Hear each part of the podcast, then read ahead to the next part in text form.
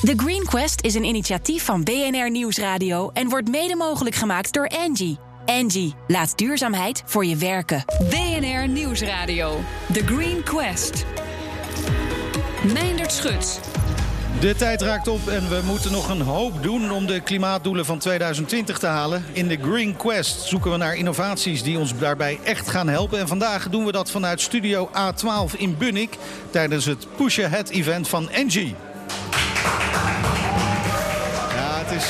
Het is eh, gezellig, hier, eh, gezellig druk hier tijdens dit event van Engie.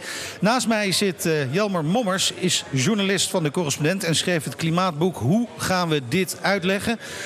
Onlangs uitgekomen, Jelmer. En ik, ik vond het opvallend, want ik heb, ik heb het deels gelezen in elk geval. Ik had helaas niet de tijd om het helemaal te lezen. Ga ik nog doen. Maar eh, je zegt eigenlijk dat het klimaatprobleem een enorm probleem is... dat snel een gevoel van machteloosheid los kan maken. Was dat ook voor jou het startpunt van dat boek? De machteloosheid die veel mensen voelen? Ja, het is eigenlijk iets wat steeds terugkeert. Dus ik, ik, eh, ik praat natuurlijk veel over dit onderwerp met mensen om me heen. En eh, eigenlijk komt elke keer komt dat gevoel van machteloosheid terug bij de mensen die ik spreek. Nou, want je schrijft al vijf jaar over de Ja. klimaatverandering. Ja.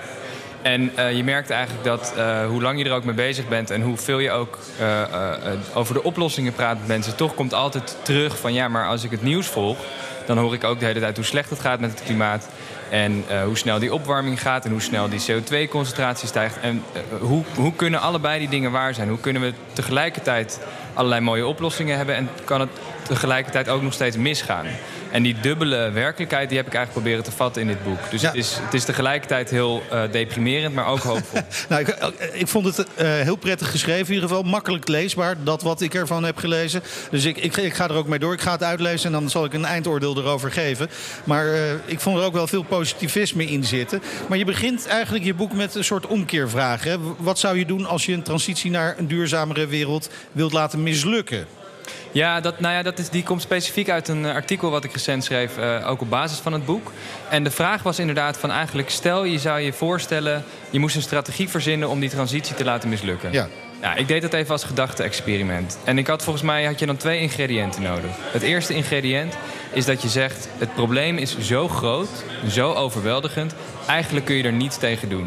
Dus eh, wat je ook probeert, eigenlijk is de CO2-concentratie nu al te hoog. En eh, je kunt wel eh, in, in één land er iets aan doen, maar er zijn er nog andere landen die er niks aan doen. Dus eigenlijk is het telkens het gevoel van: dit probleem is zo overweldigend, dit wordt ons einde. Eigenlijk de verhalen die je dus ook in de politiek wel hoort. Precies. Dus dat, is, dat was dan één ingrediënt. Nog steeds het gedachte-experiment. Stel je wil zorgen dat er niets gebeurt. Dan is het tweede eh, ingrediënt, of de tweede strategie die je volgens mij moet volgen... is dat je zegt, ehm, de oplossingen zijn een vorm van achteruitgang. Die zijn duur, die kosten veel geld, die kosten veel tijd, die kosten veel moeite. Die betekenen dat we comfort inleveren. En eigenlijk dat hele gevoel, en ook dat hoor je heel veel in de politiek... van ja, wij moeten dit helemaal niet doen, want dat kost ons veel te veel... en eh, eh, dat willen de mensen niet. En eigenlijk die twee ingrediënten, die zie je nu in het debat. Dat gevoel van het is zo overweldigend, we kunnen toch niks doen. En dan daarna de klacht dat als we wel iets doen, dat het achteruitgang is. En dat is volgens mij het debat zoals, het, zoals de meeste mensen het nu ervaren. Ja, het verhaal over de rug van de burger moet dit dan maar gebeuren. Precies. Terwijl we niet eens overtuigd zijn dat het ook echt nodig is. Precies, en, en al die, al die eh, eh, verhaallijnen lopen nu door elkaar. En ik heb geprobeerd om een soort helderheid te scheppen. Omdat volgens mij klopt dat verhaal niet. Volgens mij is het niet, het probleem is niet zo overweldigend dat we er niks meer aan kunnen doen. En tegelijkertijd zijn de oplossingen absoluut geen vorm van achteruitgang. Ze zijn juist een vorm van vooruitgang. Nou zegt Harm Edens altijd eh, ter introductie van dit programma... het is vijf voor twaalf, de klok tikt. Heeft hij daar een punt? Heeft hij daar gelijk in of, of valt het nog wel mee? Nou, nee, het valt absoluut niet mee. Dus dat zul je mij niet Nee, zeggen. Nee, ik, ik denk echt dat we op een heel gevaarlijk parcours zitten... eh, eh, waarbij ook de opwarming op zichzelf op verschillende manieren kan versterken. En daar zullen we de komende eeuwen echt eh, de zware gevolgen van ondervinden.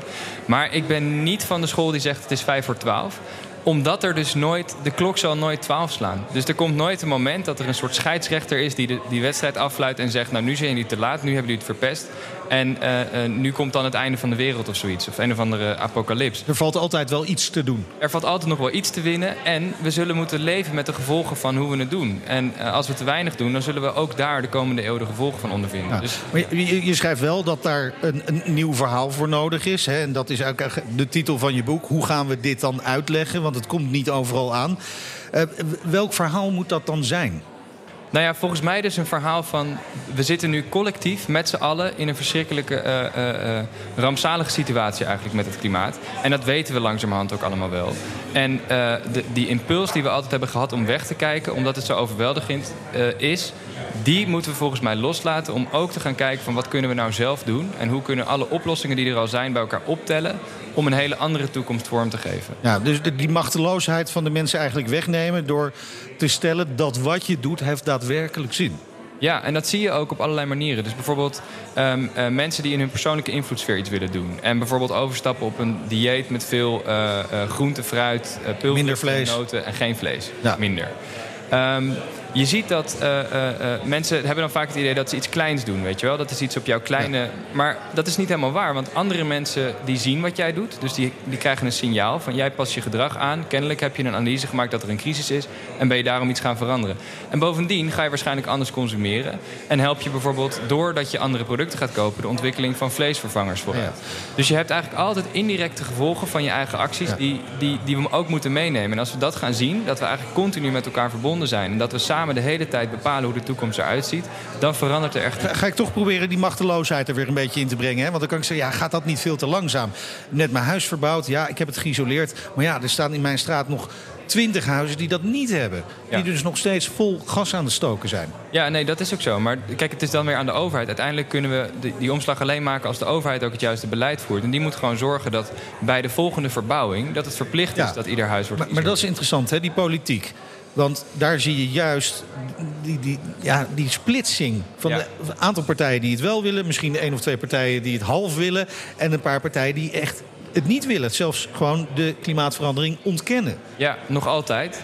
En dat vind ik uh, uh, wonderlijk. Juist de politici die nu opkomen en die zeggen... er is niks aan de hand, moeten we negeren.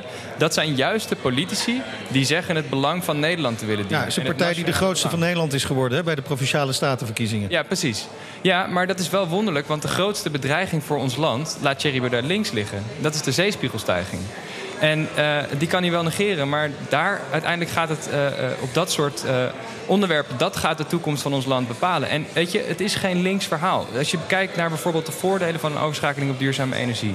Dat betekent energieonafhankelijkheid voor ons land. Ja. Dat betekent energieonafhankelijkheid voor Europa. Dat betekent dat we geen olie en gas meer hoeven te importeren. Dat scheelt 250 miljard dollar per jaar. Dat zijn gewoon hele duidelijke economische baten. Daar is niks links aan. Nee. Het is gewoon reëel. Nee, dus, dus je zegt, klimaatverandering heeft geen politiek kleur. Of iets aan willen doen heeft geen politieke kleur. En toch zie je dat wel in die Tweede Kamer en ja. in de Eerste Kamer. Ja, nee, dat is ook zo. En ik denk ook dat dit verhaal vaak in linkse termen is, uh, is verteld. Dus het gaat vaak over rechtvaardigheid. We moeten doen wat juist is. Okay. En, is, is, dat een verkeerde frame, waardoor je een deel van het publiek niet meekrijgt? Nou ja, het is, een frame, het is niet per se een verkeerd frame, maar het is wel een frame wat sommige mensen helemaal niet aanspreekt. En, wat, en, en ook de, de oplossingen die lang gepropageerd zijn, zullen veel liberalen tegen de borst stuiten. Terwijl volgens mij zou iedereen van elke politieke kleur zou hier iets in moeten kunnen vinden. En, en, uh, en zeg maar zijn eigen verhaal erbij verzinnen. En uiteindelijk streven we naar hetzelfde doel. En dat moet ook, want we delen met z'n allen één klimaat. En we kunnen niet doen alsof dat niet zo is. Je, je, je beschrijft in je boek uh, een goede vriend van je, hè, Tom. Uh, aan hem vertel je eigenlijk dit verhaal. Ja. Zou je ons in het kort jouw verhaal aan Tom kunnen vertellen... dat de luisteraars en ik ook het kunnen begrijpen... en misschien wel mee kunnen gaan in jouw verhaal? Ja, mijn verhaal aan hem is eigenlijk... Kijk, um, uh, ik beschrijf hem uh, in de inleiding. Want hij is dus iemand die inderdaad zegt van... ik kies er eigenlijk voor om weg te kijken... omdat ja. dit debat me zo tegenstaat. En mijn verhaal aan hem is eigenlijk dat ook als je wegkijkt... ook als je zegt ik doe een stap opzij en ik laat dit aan me voorbij gaan... dan doe je eigenlijk nog steeds mee. Dat is nog steeds een keuze. Je kunt eigenlijk niet niet meedoen. Want je consumeert de hele dag, je stemt op een bepaalde partij... en niet op een andere partij. En je geeft signalen af aan de mensen om je heen... over waar je op hoopt. En uh, uh, wat je normaal vindt. En welke uh, gevechten je vindt dat wij als maatschappij moeten aangaan. En welke je al als verloren beschouwt. En eigenlijk geef je de hele tijd geef je signalen af aan de mensen om je heen. Dus je kunt niet niet meedoen. Dus mijn oproep aan iedereen is om zich bewust te worden daarvan. En te kiezen om mee te doen vanuit het oogpunt van duurzaamheid. Ja, maar, maar zeg je daarmee eigenlijk ook dat wat je doet, hoe klein het ook is, top ja, zeker. Nee, want al die stappen tellen bij elkaar op. En we zien het allemaal nu al. We, we krijgen soms wel eens het gevoel, hè, als ik sommige mensen uit, uit de klimaathoek hoor, dat het nooit genoeg is. Nou ja, in de, zeg maar puur technisch gezien klopt dat. Want de CO2-concentratie is nu al te hoog. Dus we moeten nog steeds altijd meer... Ja, maar dat, dat jaagt dus ook mensen weg. Hè? Dat, dat gevoel krijg ik wel. Dat mensen daardoor juist zich afwenden van dit probleem. Ja, nee, ik zit daar een beetje dubbel in. Ik denk aan de ene kant, we moeten... Uh, en dat hoop ik toch ook dat politici dat gaan doen. Helder uitleggen dat we inderdaad nog steeds veel meer moeten doen. Want we zitten nu al met een gevaarlijk hoge CO2-concentratie... en dat, dat gaat de verkeerde kant op. Maar tegelijkertijd Inderdaad, elk klein beetje helpt. En dat komt omdat we dus elkaar de hele tijd beïnvloeden. En dat elke stap die je zelf zet indirecte gevolgen heeft. En alle ingrediënten zijn er nu eigenlijk. Hè. Er zijn overheden die maken beleid. Er zijn uh, klimaatwetten aangenomen in heel veel landen. Er is uh, uh, een wereldwijde verschuiving van kapitaalopgang van fossiele energiebedrijven naar duurzaam. Er zijn mensen die hun gedrag aanpassen. Er zijn jongens, jonge scholieren en hele generaties die de straat op gaan en die hiervoor ja. vechten. En eigenlijk als je dat gaat optellen, dan zie je dat al die ingrediënten van die duurzame toekomst er al zijn. En onze taak dit is het moment voor ons om die beweging sterker en groter te maken. Nou beschrijf je in je boek ook de geschiedenis waarom wij als mensen een beetje losgeslagen zijn van het klimaat, hè, van de natuur eigenlijk. Denk je dat dat nog goed gaat komen? Ja, ik ben geen optimist in de zin dat ik zou zeggen het komt wel goed. Nee, en dat is maar er zijn kansen. Er, er, zijn kansen en er is onzekerheid. Dus we weten niet hoe ons verhaal verder gaat. We weten niet hoe het afloopt. En dat betekent dat we invloed kunnen hebben. En dat is precies waarom ik hoop heb.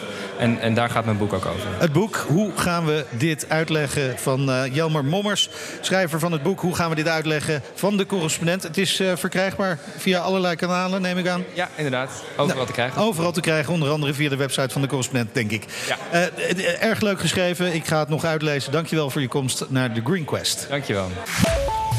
Een transitie begint altijd met koplopers. Dat principe is het fundament van Ambassador Wise, de nieuwste aanwinst van de Green Gallery.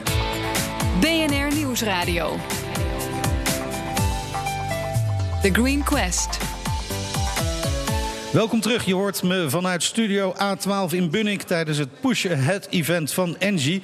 En elke week kiest onze Green Team uit een uh, aantal aanmeldingen en bedrijven dat volgens hen een positieve impact maakt. En een van die Green Team leden die zit naast mij, Chief HR Officer van Engie, Marleen Prins. Leuk dat je er bent. Uh, jullie hebben nu 40 bedrijven gekozen hè, in die Green Gallery. Dat kan best een zware taak zijn geweest, want er zijn behoorlijk wat aanmeldingen. Ja, zeker. Maar zwaar zou ik het niet noemen. Meer ontzettend leuk. Was het inspirerend? Het was ontzettend inspirerend. Want kijk, uiteindelijk wat we met elkaar heel erg goed realiseren... is dat we het bedrijfsleven nodig hebben... om het een en het ander in Nederland te realiseren. Dus uh, ik vind het eigenlijk alleen maar een eer dat ik jurylid kan zijn... om al die bedrijven te mogen ontmoeten. En natuurlijk moet je dan ook je rol serieus nemen. Dus dat doen we dan als jury ook. Nou, en dat, dat is opgevallen in ieder geval bij ons ook. Want uh, jullie hebben goed werk gedaan. Uh, eh, 40 bedrijven dus uitgekozen. In juli kiezen jullie als jury de winnaar uiteindelijk van de Green Quest Award. En vandaag voegen we de allerlaatste innovatie van dit seizoen aan de Green Gallery toe. En die klinkt ongeveer zo. Mr. Leonardo DiCaprio. I stand before you. Vandaag is nog steeds ongeschreven. Not as an expert, but as a concerned citizen. One of the 400,000 people who marched in the streets of New York on er Sunday who want to solve our climate crisis. uit het beeld van morgen. Onze kinderen spelend in het groen. I want you to act as if the house was on fire. But when your house is on fire and you want to keep your house from burning to the ground, then that does require some level of panic. Sterker dan alleen. We are at a moment now in the climate struggle that will determine what the world in 2023 looks like. Ja, je hoorde singer-songwriter Ayrto en een aantal inspirerende ambassadeurs die strijden voor de aanpak van eh, klimaatverandering.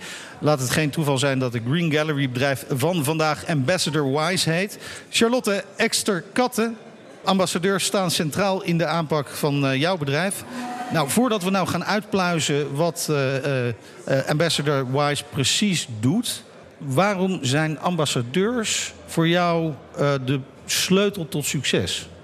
Ambassadeurs zijn eigenlijk de mensen die al laten zien wat je kan doen om de nieuwe economie vorm te geven. En een nieuwe economie, wat mij betreft, is een wereld waarin we ondernemen um, en wonen met elkaar. Ja. Waarin je omgaat met minder grondstoffen, op een andere manier omgaat met grondstoffen, maar ook hoe je nieuwe energie gaat inzetten. Um, hoe je gezondheid organiseert met elkaar in de maatschappij hoe je met elkaar een maatschappij vormgeeft. Al die maatschappelijke thema's maken zij het verschil en ze doen het al. Dus laten we er vooral goed naar kijken hoe ze dat doen. Nou zijn veel deelnemers van de Green Quest... Uh, uh, die, die zijn bezig met technologische innovatie. Jij doet eigenlijk mee met een sociale innovatie, zouden we kunnen zeggen. Ja, hoe ga jij het winnen van die techlui? Ja, ik, weet, ik vind het in ieder geval hartstikke mooi dat ik een plek heb in de Green Gallery. Want dus een van onze missies is dat we heel graag duidelijk willen maken... dat we fantastische technologische oplossingen hebben. Die hebben we zeker nodig om thema's als energietransitie, circulaire economie op te lossen.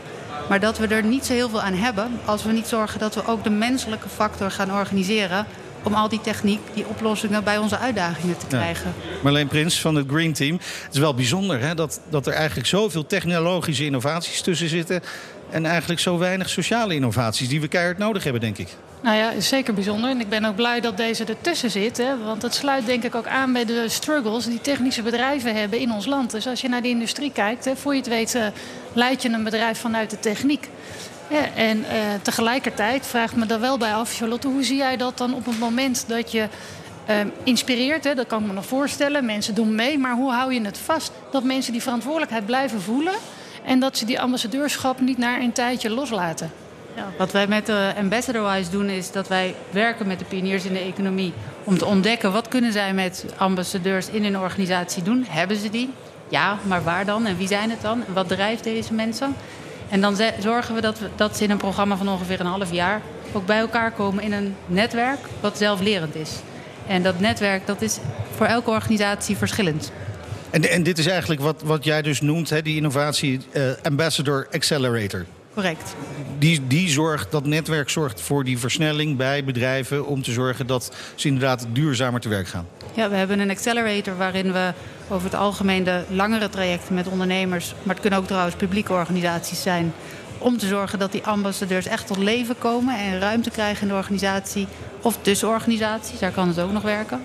Uh, wat we wel ook doen is zorgen dat de randvoorwaarden worden gesteld in een organisatie waar mensen mee, met goede ideeën, met koplopers, kenmerken ook kunnen uh, floreren. En dat vraagt ook wat van factoren in een organisatie, zoals leiderschap. Uh, het formele leiderschap heb ik het dan ja, over. De, de managementlaag dus. Ja, wat is je visie? Er zijn ook organisaties die eigenlijk geen visie hebben op maatschappelijke opgaves. En dan, dan moet je eerst daaraan werken. Ja, dat, dat spreekt me natuurlijk als HR-directeur enorm aan. En, en kun, je me een voorbeeld geven van een project waarbij je zegt... daar is dat geslaagd, dat is, dat is hoe we dat doen... zodat ik het concreet kan begrijpen? Bij het bedrijf Interface, zij maken tapijtegels... staan al twintig uh, jaar in de top drie van de meest duurzame organisaties wereldwijd. En dat daar een groep mensen in die organisatie is... die zo graag wilden meewerken aan de missie van dat bedrijf... om een positieve impact te maken. En by the way ook tapijtegels maakt... En daarin hebben we geleerd, zet die mensen bij elkaar in een programma. Zorg dat ze van zichzelf als persoon weten. Hoe ga je nou zorgen uh, dat je een bijdrage kan leveren als marketeer, als HR-persoon, als productiemedewerker. Uh, om die positieve impact te maken van jouw invloedszone. Uh, en dat heeft ertoe bijvoorbeeld toe geleid dat de salesmensen een hele andere manier hun tapijtegels verkopen. Zij praten met klanten over hoe kun jij ook nog producten hergebruiken. Uh, zij praten met leveranciers. Hoe kunnen we nou zorgen dat er meer biobased of gerecycled materiaal in onze tapijtegels zitten. Zij organiseren meetups die niet gaan over tapijtegels, maar over toekomstbestendig organiseren. Nou, dat zijn prachtige uitkomsten, resultaten van een ambassadeursprogramma. Zo hebben we er 15 jaar lang heel veel gedraaid. Ja, want ik, ik hoorde ook een voorbeeld over een. Uh, kun, kun je dat verhaal vertellen? Zeker. Een van de mooiste verhalen die ik heb meegemaakt nu in de 15 jaar dat we dit doen, was voor een Engels bedrijf um, wat bananen verkoopt. En een grote multinational. En die waren op een gegeven moment in Engeland op zoek naar hoe kunnen we nu in Engeland um, zorgen dat onze medewerkers met meer ideeën gaan komen die ons bedrijf sterker maken.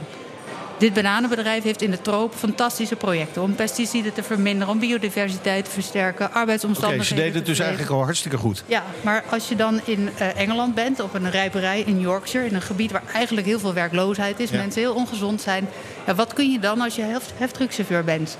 En in dat programma, waar ongeveer 30 medewerkers, stond op een gegeven moment uh, Kiwi op, de heftruckchauffeur.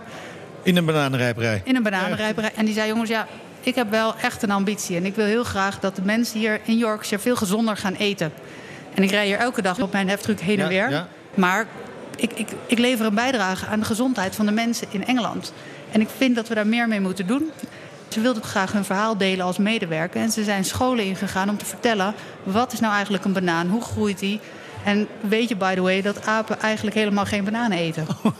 ik denk nog steeds dat heel veel mensen dat wel denken. Ja, ik wil nog wel even de clue hiervan onthullen. Want de clue is dat ehm, hij is dat programma gaan draaien. Ehm, de medewerkers zijn mee gaan doen. Ze zijn ook nog met andere ideeën gekomen daardoor. Want die voelden zich vrijer om te gaan denken in nieuwe ideeën. En het management was echt verbaasd. Hoe kan het dat deze man dit soort geweldige ideeën heeft. Hij had niet alleen dit idee, hij had wel tien ideeën. omdat hij vorkheftchauffeur uh, is? Ja, niet denigerend bedoeld, nee, maar, omdat het een, een we zitten dus in, in, in, die hokjes te denken en dat, dat is dan het probleem, Marleen. Ja. Nou ja, daar kan ik me wel iets bij voorstellen. Dat die hokjes natuurlijk ergens ook wel beklemmend kunnen zijn. Hè? En um, uh, daar, daarin uh, begrijp ik nu, Ambassador Wise, dat dat focust zich vooral op Overijssel. Ja, jullie gaan een project doen in Overijssel. Een van onze opdrachten, een hele mooie opdracht, is een project in Overijssel. Nieuwe Energie heet dat? Nieuwe Energie Overijssel. Um, dat zie je wel in meer provincies eigenlijk. Dat er puur vanuit het Rijksoverheid doelen zijn gesteld. En die moeten gehaald worden op provincieniveau en in de toekomst meer op regionaal niveau.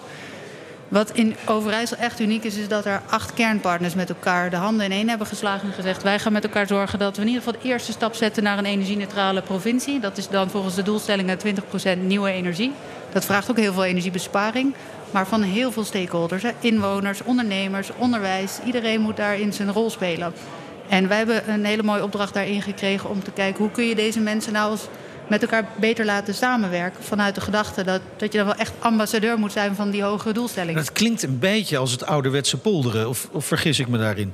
er zit ook zeker heel veel gepolder in. En wij proberen daar dus ook wel een stuk verschil in te maken. Want wat je aantreft in die organisatie, het zijn zo'n 70 mensen die zich gewoon functioneel inzetten op allerlei projecten, 130 energieprojecten. Ja. Um, het netwerk wat we, het warme netwerk wat we bereiken is 1500 mensen. En dat was eigenlijk ook waar ik er benieuwd naar was. Want we hadden het net over die hokjes. Hè? En, en eigenlijk heb je het hier wel over die hokjes. Hoe breng je dat dan samen? Wat is jouw inzet daarin? En, en hoe, hoe, zit dat? Ja. In, deze, uh, in dit type programma hebben wij vooral gekeken naar wat bindt nou eigenlijk deze mensen. Uh, want ze zijn een alliantie op papier vanaf 2017. Maar wat ben je dan met elkaar? En als het op papier staat, dat zie je ook gewoon wel in organisaties, een missie en een visie en dergelijke, is leuk. Maar, maar dan moet je het ook nog wel gaan voelen. Dus wat we vooral in beeld zijn gaan brengen, zijn de verhalen van de goede projecten die, uh, die mooie resultaten laten zien op uh, petajoules, de gewoon nieuwe uh, energie. Maar ook waar mensen met elkaar zijn samen gaan werken die anders niet met elkaar gingen samenwerken. Ja, ja maar dat zijn natuurlijk op zich zachte resultaten. Terwijl die kilojoules, dat is keihard. Hè? Je kunt ook echt meten wat je aan het doen bent. Meten is weten. Je kan zeker meten dat uh, als je um, 20 petajoule moet verduurzamen tot 2023 en je zit nu op 10,5, dat je nog wel wat te gaan hebt. En dan weet je eigenlijk ook wel, oh ja, dan moeten we ook wel gaan versnellen met elkaar. Uh, wetende dat je na 2023 nog naar energie-neutraal moet gaan. Dus het, waar, waar de crux zit, gaan deze mensen ook met elkaar leren wat werkte nou eigenlijk. Waar gingen de projecten goed? Ja. Wat was er nou gebeurd waardoor we gingen samenwerken? Um, en kun je dat dan ook op andere plekken herhalen? En dat klimaat om met elkaar samen te leren, dat faciliteren, dat helpen we organiseren. Ja, nou is dat project in Overijssel relatief groot. Kun je dit inderdaad ook schaalbaar maken? Zou, zou dit uitrolbaar zijn over de hele wereld? Uh, in alle organisaties of, en netwerkorganisaties die werken aan maatschappelijke opgaven, kun je een rol geven aan de voorlopers. Die 1% mensen die het al doet. En als je die groep laat groeien naar 10%, dan maak je echt cultuurveranderingen, systeemveranderingen. Um, en waar wij het inschaalbaar proberen te maken als Ambassador-wise... is dat we werken met professoren in programma's, zoals onder andere met Nijrode... waarin we ook zorgen dat we via het netwerk van dat soort mooie partijen... het bedrijfsleven bereiken. Want we willen graag iedereen laten ontdekken wat de kracht van ambassadeurs is. Ik dank je wel en wens je heel erg veel succes, Charlotte Exter Katten van Ambassador Wise. En ook dank je wel, Marleen Prins. Veel succes uh, voor jou en de rest van de jury natuurlijk met het kiezen van de winnaar van de Green Quest Award. Volg onze zoektocht naar de mooiste duurzame innovaties op de voet. Elke week hier in de Green Quest en natuurlijk op ons platform thegreenquest.nl. Wil je iets terugluisteren? Dat kan altijd via de BNR-app en bnr.nl of als podcast in iTunes en Spotify. Tot volgende week, dan is Harmer gewoon. The Green Quest is een initiatief van BNR Nieuwsradio en wordt mede mogelijk gemaakt door Angie. Angie, laat duurzaamheid voor je werken.